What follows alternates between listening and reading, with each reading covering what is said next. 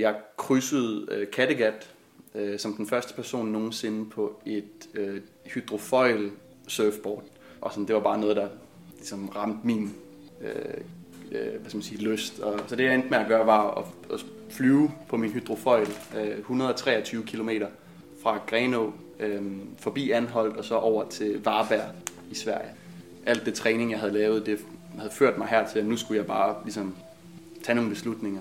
Jeg skulle ikke bekymre mig. Altså, det er lidt syret ikke at kunne se land foran sig, og ikke at kunne se noget bag sig. Du lytter til spejlet. Tusind portrætter. En generation. Jeg hedder Katrine Holst. Jeg går her mellem klitterne. Grønne og brune. Og sådan lidt barske at se på. Vind, vindblæste, værbitte måske endda. Nu her, hvor jeg går op over en top, så kan jeg se, så kan jeg se Vesterhavet lige ude bagved. Og det er lidt pinligt egentlig. Jeg har klaret den næsten 28 år i det her liv, uden at se Vesterhavet. Men det har jeg altså i dag for første gang, tror jeg. I hvert fald, hvad jeg kan huske. Men jeg står og kigger på det lige nu. Og det er ikke den her aftenstund, ikke nær så vildt og voldsomt, som jeg havde forestillet mig. Men helt ekstremt smukt. Der er bare hav, så langt øjet rækker. Og en strand, der er fuld af sten.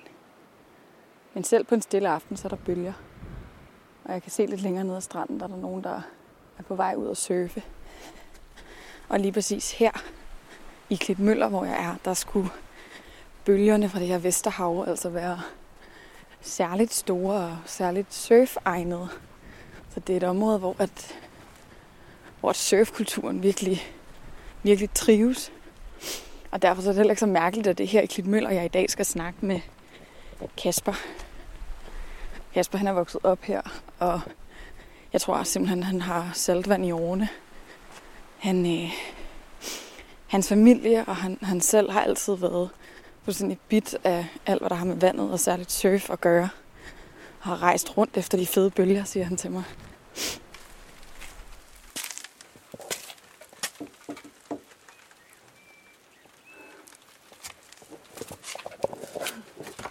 Hej. Hej, må jeg komme indenfor i, velkommen. i tørværet? Jo, Ja, det tak. Hyppe pokker. Det har du gjort hele dagen. Ja, Jeg har lige den her tændt. Det håber jeg er i orden. det var i orden. Sejt. Du får lige en albu. Dag. Velkommen. Tak skal du have. Kom on ind. Tak. Skal jeg lige smide nogle våde sko eller et eller andet? Så lykke. Ja, der skal da ikke nærmest helt til den. Nej, den der. Sikke, sikke en udsigt, jeg lige kommer ind til. Jeg kigger lige ud af køkkenvinduet. Der er bare natur og hav. Hvor er det fedt. Helt ude på kanten, ja. Hvad er det for et sted, jeg havner? Jamen, det, er, det er mit hjem. Det her, jeg er vokset op sammen med min familie. Og øhm, det her, jeg stadigvæk bor sammen med min, min kæreste og min bror. Og øhm, det er sådan her, hvor ja, surfhuset, hvor vi holder til. Ej, hvor dejligt. Hvad, er det dem, man kan høre pusle lidt i baggrunden? Er det de andre jeg beboere? tror, øh, ja, der er lidt forskelligt. Min kæreste, hun er nedenunder. Okay, Øhm, hvorfor viste hende?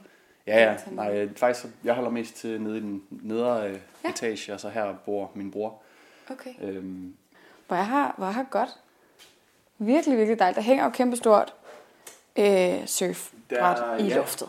der, er Selvfølgelig et, gør der det. der er et bræt deroppe fra øh, dengang, jeg padlede over Skagerak på Ja. et subboard. Det er den, der hænger der, Det er den, der hænger der. som et øh, evigt øh, minde, ja. eller hvis man siger advarsel, for ikke at gøre sådan noget igen. Ej, skal vi ikke, øh, skal vi ikke kalde det et minde, eller måske et trofæ? Du siger det her, du vokset op. Det er, det er mit barndomshjem her. Ja. Ja, hvor, øhm, altså det her, hvad skal man sige, ja, jeg har haft base de sidste 27 år af mit liv. Må jeg, må jeg kigge lidt videre? Ja. Jeg er simpelthen så nysgerrig på det her meget, meget smukke hjem. Ja. Alle det- formerne er ligesom sådan runde, og farverne ja, er det, er bare meget... det er min far, der har, har Ja. formet det sådan lidt.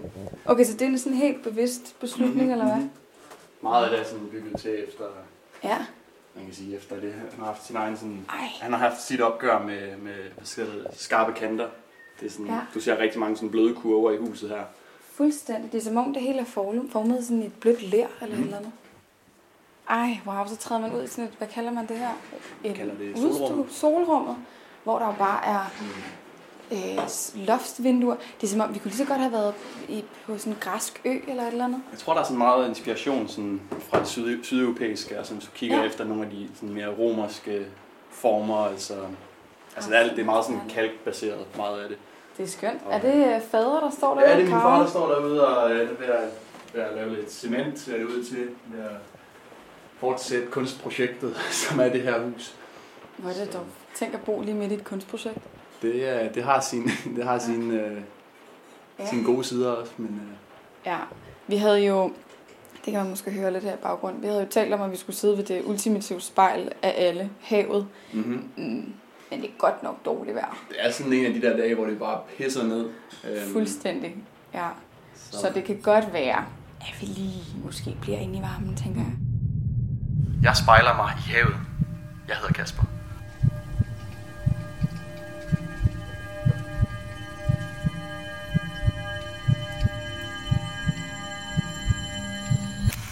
Nu har vi slået os ned her, og vi sidder og kigger ud på, på klitterne og på, på vandet. Til at starte med vil jeg bare helt vildt gerne høre om sådan, nu når vi er i dit barndomshjem, øh, hvad, det, hvad det vil sige at vokse op lige her, midt i klitterne, lige ved siden af havet, i sådan en rigtig kreativ surferbule, som jeg føler, jeg har havnet lidt ind i. Jeg ved, ja, men altså, det, det er sjovt at høre dine, dine jagttagelser, når du kommer gående herind, fordi, Ja. altså, jeg ved ikke, for mig er det bare hjem. Det er det. Øh, men altså, jeg kunne sagtens male sådan et meget romantisk billede af, at øh, det var med legepladsen lige derude, og, og det er det jo på en eller anden måde også. Altså, det er her, jeg, min passion for, for vand og for eventyr, er ligesom er blevet sådan bare skudt i gang. Øh, så det er, det er sådan ground zero på en eller anden måde, vi, vi sidder i lige nu. Ja, og det er en meget sjov måde at se på. Og når du ser legepladsen lige derude, så er det jo ikke gynger, du peger på. Så er det jo bølgerne, er det ikke? Nej, der er ikke så mange gynger her omkring, men Nej, øh, det, er, det er havet, der er på den anden side af klitterne. Det Ja. er, altså min far han er fra Kalifornien, og min mor hun er fra Kolding, og Klitmøller var lidt kompromis derimellem. Øh, og øh, altså min far gav jo den der surf-virus, eller lyst til at lege ude på vandet, øh, videre til min bror og jeg. Øhm, og øh, det er jo ligesom noget, vi tog til os i vores barndomsår.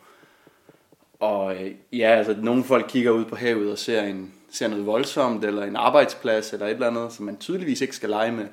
Men det er jo det, som man også, altså, som vi alle sammen har hørt om, altså med surfing, der boomer i Danmark, og Cold Hawaii det, og Cold Hawaii det. Og, øhm, ja. Det er sådan, ja, det er sjovt, hvordan det... Du har jo bare været her, været her i, i været 27 år, så det er jo ikke på den måde en dille. Det har virkelig bare været en konstant, tænker jeg, i dit liv. Jeg tror for, altså med den opvækst med, i min familie, der øh, var vi meget vant til at lege ude på vandet. Mm. Altså, hvor, altså det der med at surfe, det er jo, det er jo ikke ligesom, jeg ser det i hvert fald ikke som sådan en sport, man bare går til øh, torsdag klokken 3. Nej. Det er mere sådan en livsstil. Man, man ind, du bliver i hvert fald skuffet, hvis du går derned torsdag klokken 3 og ser, at der, der ikke er bølger. Ja. Men det er mere en livsstil, man indretter sit liv efter for at være, altså når vind og vejr ligesom gør, at bølgerne er der, så vil man gerne være der. Og det var jo det, jeg fik ind med modermælken, at øhm, det kan da også være et meget meningsfyldt og indholdsrigt liv i at, Helt i at søge. Men altså, jeg tror, hvis man snakker, altså tag en hvilken som helst person, der, der er forbundet til havet og godt kan lide at lege derude, så, så vil du også høre, at det er sådan, det er bare noget, der er betagende. Det er noget, man bliver nærmest øh, afhængig af mm. på en måde, at ligesom opsøge de, jeg kalder det eventyr, men altså de oplevelser derude af. Ja. ja, fordi hvad er, hvad er det egentlig, der sker der? Hvad er det, havet går ind og aktiverer i dig? Altså, Øhm, pff, det, det kunne vi sidde os, ja, det det kunne vi er snakke svært. rigtig lang tid om, men altså for sådan, og det er også noget af det mest svære at snakke om, synes jeg, fordi at man, du, man kan jo hurtigt ende i de der klichéer af sådan, havet giver dig den ultimative frihed, det giver dig følelsen af at være i live. ja. Det har vi hørt, men Ja. jeg tror for mig er det, altså det er jo et element af det, men det er jo, øhm, det er jo både det der magiske, magiske følelse af at være det rigtige sted på det rigtige tidspunkt og, Okay. og blive grebet, altså at fange en bølge, der ligesom giver et sus i maven, og så på samme tid er der jo også en progression.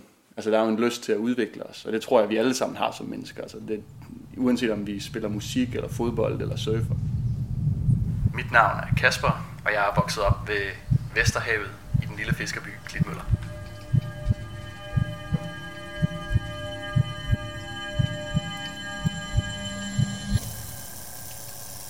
Du sagde lige før atleten i dig, at du sad og var lige lidt i sådan et, et mode af at skulle træne frem mod nogle ting og, og være lidt målrettet omkring det. Fordi det er, jo, det er jo det, du er. Altså, det er jo en atlet, der sidder foran mig i dag og ligesom er i gang med en karriere på en måde. Så, så hvordan, hvordan er det for dig at være i sådan en sjov niche som atlet? Øh, uh, altså, når jeg sidder her, så er det sjovt at få, altså ikke at blive stemplet, men at blive mm. altså, omtalt som en atlet. Ja. Fordi det er sådan en, en underlig ting, hvor altså jeg de sidste 10 år har jeg konkurreret øhm, på højeste niveau, jeg kan i min sport. Jeg har vundet seks verdensmesterskaber i stand-up paddle surfing. Og det er jo sådan, jeg elsker at presse mig selv. Jeg elsker at udvikle mig selv og, og ligesom prøve at knække den kode, der skal til for at nå til tops. Og det har jeg synes har været rigtig spændende, men jeg synes også, at det har sådan været, været øhm, hvad skal man sige, lidt en forlængelse af det, jeg altid har gjort. Fordi da jeg var omkring 16 år, blev, fandt jeg ud af, at jeg var god til den her sport. Og så ville jeg jo gerne sådan, se, om jeg kunne nå til tops. Men jeg er altid bare nyt at lege ude på vandet. Altså det vender lidt tilbage til det der deep play, altså den der dybe leg med, at altså vi surfer, jeg surfer ikke, fordi at jeg nødvendigvis vil vinde et verdensmesterskab. Jeg er på vandet, fordi at jeg finder en, en generel øh, inspiration derude. Mm. Øhm, så, og, og det så har ført mig ud på en karriere, hvor jeg har gjort en passion for en nichesport til levebrød. kommer nogle gange lidt bag på mig. Der da du var 16, hvordan fandt du ud af, at du var god til det? Øhm, altså jeg, jeg surfede, det er jo sådan en, en teenage surf rat, altså en rotte, der bare sådan tænkte på at surfe hele tiden. Okay. men, men, men det var specielt, altså det var specielt da stand-up uh, paddle surfing, altså SUP kom ind i billedet. Og det var jo sådan, jeg var været 15 år på det tidspunkt, og øh, øh, hvad hedder det, og sådan, det, var det er ikke ligesom nu, hvor man, nu kigger man på en vilkårlig sø, så er der en eller anden, der padler rundt på et opusligt subboard. Dengang var det sådan en virkelig niche. Øh, mm. Vi var måske en håndfuld herhjemme, der padlede. Og jeg var så med til en World Cup, øh, sådan en åben World Cup, man kunne være med i nede i Tyskland som 15-årig. Og øh, var med i amatørafdelingen og endte med at sådan, vinde den her, det her løb, sådan 5 km løb, man skulle være med i og fandt ud af, at jeg var hurtig og god til det, og sådan, som ung, som ung menneske i hvert fald, synes jeg, jeg fandt sådan en anerkendelse lige pludselig for noget, jeg kunne. Og, og det kunne jeg ikke benægte, gjorde mig mm. glad. Nej, øhm, og, og, og, så fik jeg lyst til at dyrke den ting mere. Så, øhm, så fra at sub bare var sådan lidt en, en, det var lidt sådan for sjov ting for mig. Altså det var en måde, man kunne padle rundt og sådan tage en Hawaii-skjort på og nogle shorts og sådan solbriller på om sommeren og se smart ja. ud ned i bugten. Mm. Til at lige pludselig det blev øh, noget meget seriøst. Altså, som, hvor jeg var en atlet, der trænede, og, og det gør jeg stadigvæk, altså for at vinde. Mm. Øhm, det er sådan lidt en underlig rejse. Det, det er en har sjov været. overgang fra, uh, fra fjol og leg til sådan... Men jeg, men, jeg ja. tror, men jeg tror ikke, det ville have været sket uden fjol og leg. Fordi det er det, der ligesom inspirerer mig til at komme på vandet, det er den der leg. Men altså, det virker som om, at du bare måske er lidt et legebarn, eller du godt kan lide lejen, og dyrker den også som voksen. Ja, altså jeg er, ikke, jeg er ikke bange for at slippe det der indre legebarn fri i hvert fald. Det, det tror jeg ligger meget naturligt til mig. Jeg har surfet hele mit liv. Jeg hedder Kasper.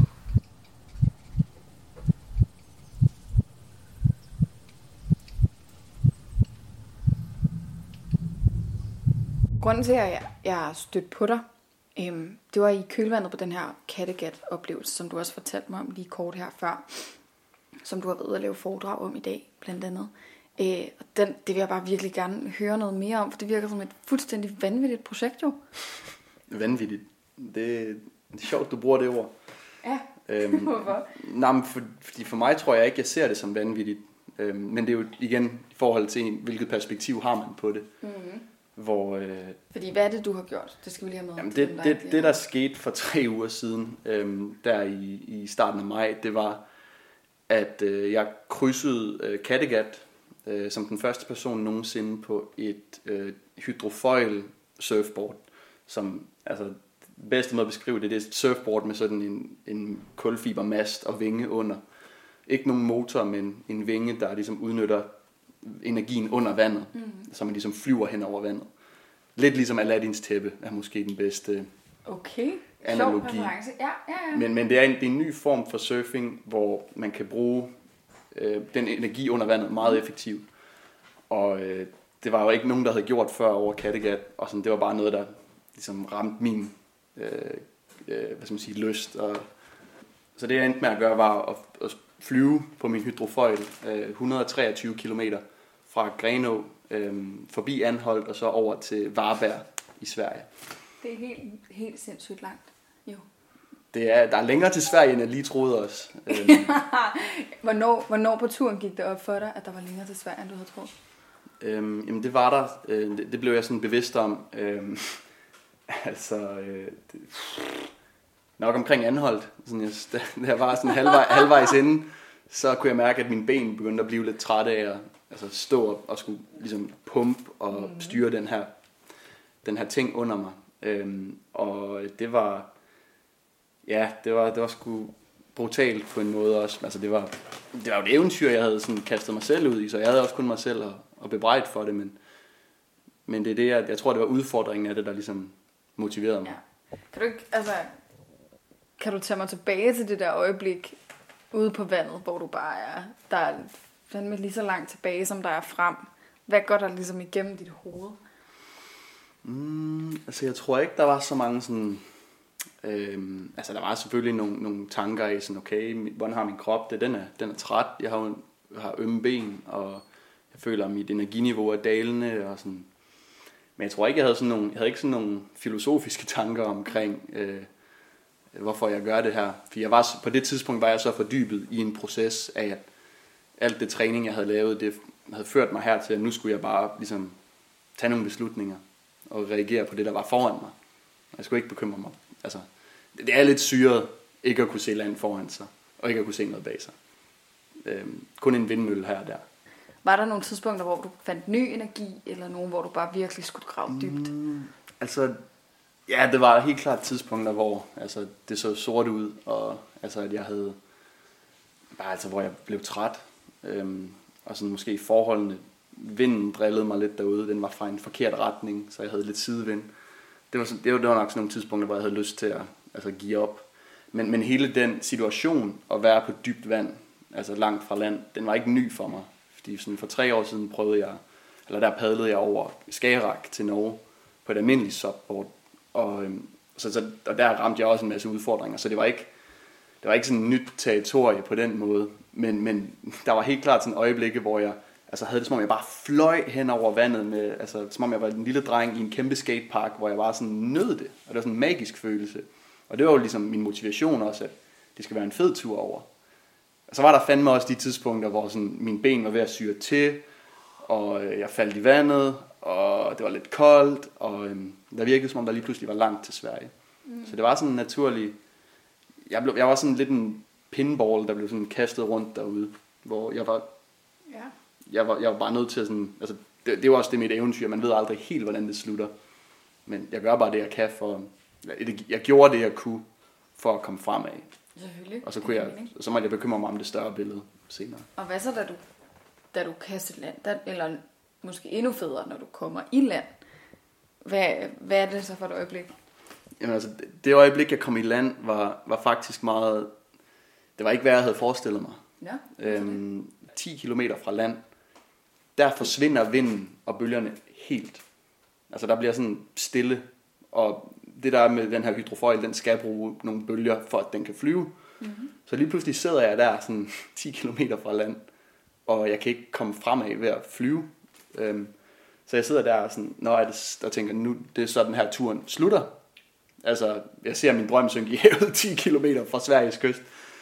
Øhm, men, men det der så sker, det var, at jeg indser efter nogle minutter, er sådan, okay, altså jeg kan, ikke, jeg kan ikke gøre det, jeg gerne vil, men altså, eventyret stopper ikke her. Jeg har stadigvæk min arme, og så tænker jeg, jeg kan stadigvæk ligge ned på brættet og padle.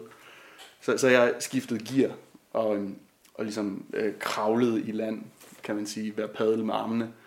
Som ikke var den måde, jeg ligesom havde visualiseret, at det skulle ske. Men jeg, var bare, jeg havde bare salt i ansigtet og muskler, der skreg, og jeg havde lyst til bare at kaste håndklædet i ringen så mange gange. Så da jeg sådan humpede i land og kravlede op ad en svensk øh, klippe, så var det en rigtig, rigtig glad, rigtig, rigtig god fornemmelse øh, af sådan, at okay, vi overkom det. Vi, Ja. Altså, jeg tror for mig, at det, det er noget, der ligger naturligt for mig som atlet. Det er, at øh, man har jo en plan A, og plan, plan A går nok ikke alt, det er ikke altid det, der sker, og så skal man ligesom kende sig selv. Og det er jo måske det, jeg har opnået ved at have leget ude på vandet gennem 27 år, at øh, jeg kender mig selv. Jeg ved også, hvad, hvad jeg er i stand til, øh, når det gør allermest ondt. Og, tænk, og kunne tænke sidelæns. Øh, altså det er jo lidt, jeg, jeg bruger altid eksemplet med sådan Odysseen, altså med Odysseus, der skulle hjem fra Trojakrigen. Jeg husker, jeg var helt fascineret af det i, i oldtidskundskabstimerne, hvor altså han skulle jo bare hjem til Ithaka, men der sker alt det her undervejs. Alle de her prøvelser og udfordringer, som han ikke havde forudset. Og det synes jeg er spændende, at det nemlig, hvordan man takler de her problemer. Uforudsete problemer, der opstår undervejs. Det er det, der definerer vores karakter. Og jeg tror, det er det, som jeg synes, der er interessant ved øh, sådan et eventyr. Det er, en tur over Skagerak eller, eller Kattegat, man ved aldrig helt, hvordan det kommer til at gå. Jeg har krydset både Skagerak og Kattegat på mit surfboard. Jeg hedder Kasper. Jeg synes simpelthen, det er så dejligt det her med, at nærmest ligegyldigt, hvad vi snakker om, så er eventyret på en måde lidt sådan en tilbagevendende ting. Altså, er eventyret en kontrast til kontrollen? Det er i hvert fald en udfordring af kontrollen, Ja. tror jeg. Øhm, jeg vil ikke sige, at... Øh, altså, jeg tror måske, der er en del af mig, der... Og det er jo nok kvæg min opvækst. Mm. Men jeg tror, jeg har en, en lyst til at, altså, at udfordre nogle ting i hvert fald. Altså i livet generelt med, at altså, vi lever sgu i...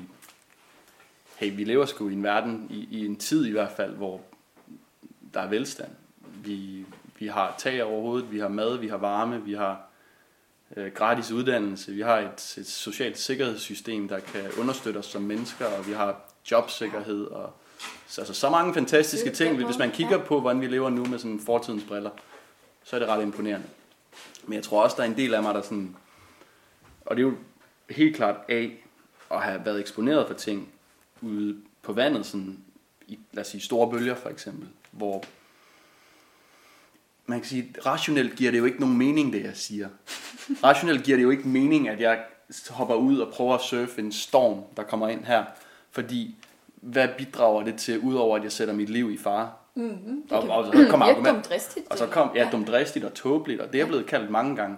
Men jeg kan ikke benægte den følelse, jeg så får øhm, i sådan nogle situationer, hvor at det er jo ligesom min akkumulerede viden og færdigheder øhm, kan bruges i sådan en situation til at, at sætte mig selv i nogle fantastiske øhm, positioner med sådan at fange nogle bølger, der er magiske, og følelsen af sådan rigtig, at alle ens øh, urinstinkter ligesom tigger frem med, at øhm, okay, jeg har ikke tid til angst, nu har jeg bare frygt for mig, der ligesom tvinger mig til at reagere på en måde. Ja. Hvad, hvad betyder det, det du lige sagde, med at du ikke har tid til angst, men frygt? Det, det der med, Det at man, det, det, det er jo lidt ligesom at sammenligne det med en krigersituation, altså med, at du er i en, altså du er i en kamp, du er i en situation, hvor der er en konsekvens ved at, lad os sige, at, altså, vi kender det jo alle sammen fra, fra krig, altså når du står med en person, der prøver at slå dig ihjel, altså ikke at jeg har været i krig, jeg kan ikke, måske jeg ikke rigtig kan udtale mig om det, men når man har stået i en situation, hvor det er liv og død, Mm. så har vi nogle fantastiske mekanismer i vores krop,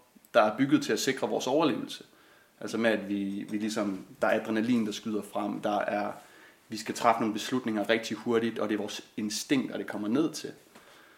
Det synes jeg er spændende, fordi det er sådan nogle dele af os, der ikke naturligt kommer frem. Øhm, For mig så føler jeg en kæmpe glæde og, øhm, og sådan tilstedeværelse ved nogle gange at sætte mig selv lidt i en situation, der, øh, der kan være ud over det sædvanlige. Den kan være farlig. Øhm, og øh, ja, det synes jeg, det synes jeg beriger mit liv på en måde. Er det det, der er eventyret? Eventyret er i hvert fald, at du, du sætter ud på en eller anden rejse eller handling, uden at du nødvendigvis er garanteret et givet udfald. Mm. Altså, at du tager ud for at, lad os sige, jeg padler til Norge. Det er ikke garanteret, at jeg når i land. Det er ikke garanteret, at det bliver en succes. Første gang jeg prøvede det, var det heller ikke nogen succes. Der var jeg, der fejlede jeg øh, lige før målstregen. Øhm, det er bare en, en, en sjov ting, altså at man kan finde mening i noget, der virker rationelt dumt. Øhm, men, Ja. men, men som på en anden måde, altså hvis man skal, jeg, jeg citerede Nietzsche tidligere i dag i foredraget, hvor øhm, Frederik Nietzsche, der siger noget i retning af, øhm, altså når du ser nogen, der danser, og de ser lidt, altså du ser dem, der danser, og de ser fjollede og underlige ud. Mm.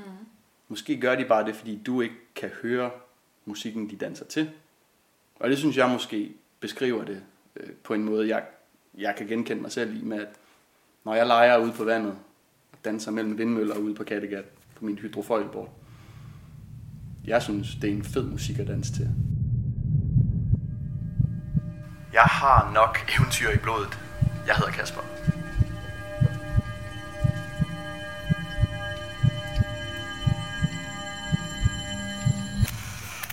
Er det dig, der er hovedpersonen, og dig, der er Aladdin, eller hvad? Den har jeg aldrig hørt før. øhm, Føler du dig som, som en eventyrkarakter? ja, det gør jeg da. Ja. Gør vi ikke alle sammen det? Det på en eller anden måde. Øhm, jeg, jeg føler mig helt klart som en... Altså, jeg kan godt lide at tænke på mig selv som en held. Altså, når man hører... Det er jo bare ligesom at lytte til et eventyr om en kriger, der skal redde en prinsesse fra den stykke drage. Mm. Altså, det er jo sådan noget tilbage til mytologi. Ja, altså, ja, der, ja. Det er bare noget, der ligger så dybt i os som mennesker, at... Øh, jeg, jeg føler i hvert fald, at jeg, øh, jeg genkender mig selv i, at der er de der prøvelser og de der udfordringer. På en måde er det udfordringerne, der giver mig følelsen af belønning og succes Ja. til sidst. Altså, det, er jo, det er jo sådan simpelt psyko, altså, det er jo psykologi, det her. Ja, ja, fuldstændig. Jeg synes bare, den, det må være ret smukt at kigge på sit eget liv som et eventyr. Altså, det virker bare ret fedt. Og jo, jo, så er der nogle prøvelser, og det, øh, der skal være noget modgang, og der er også noget, der er, er svært og farligt og sådan noget. Men at, at man, når man træder et skridt tilbage, så er du bare så er du med i et eventyr. Mm, måske, altså det er, en, det er en fed følelse, og det, Ja. det, det er et smukt billede, synes jeg, at se det på den måde.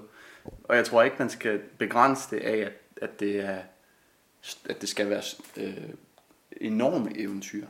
Altså, af en eller anden grund er jeg endt i den her ekstrem med at altså, krydse et hav. Det er, når jeg træder et skridt tilbage, så kan jeg også sådan blive lidt chokeret over, at det er der, jeg er endt nu. Men altså, eventyr kan jo også vise sig og manifestere sig i mindre ting. Altså, Helt sikkert. og bare at tage en tur ud og surfe her i Thy. Og være nervøs og have angst før det. Og altså, det, det er lige så meget. Altså, det er den samme følelse øh, for en anden person. Tænker du nogensinde på sådan, altså hvis du skal holde fast i den her dejlige eventyrmetafor for din tilværelse, tænker du så nogle gange på, på hvordan den slutter? Der, det er kan måske heller der- ikke være slutningen, det kan også bare være næste kapitel. Næste kapitel, altså jeg, jeg tror, at øh, i hvert fald det der med at udvikle mig selv, og sådan have lyst til at udfordre mig selv, det, det, princippet vil altid være der, tror jeg. At det, den, ligesom, det er det, jeg finder spændende om morgenen, når jeg står op ud af min seng, det er, at der er en eller anden form for ting, jeg kan gøre eller løse. Altså ligesom at løse et stykke arbejde. Jeg tror måske, det der vil ændre sig med tiden, det er, at, altså, at de der prøvelser, jeg så går igennem, ændrer karakter. At det er jo nok ikke, altså der er jo begrænset, hvor meget vand jeg kan krydse. Øhm, selvom Ja. jeg har ligesom, Jeg tænker, at Atlanten er lidt et stort projekt.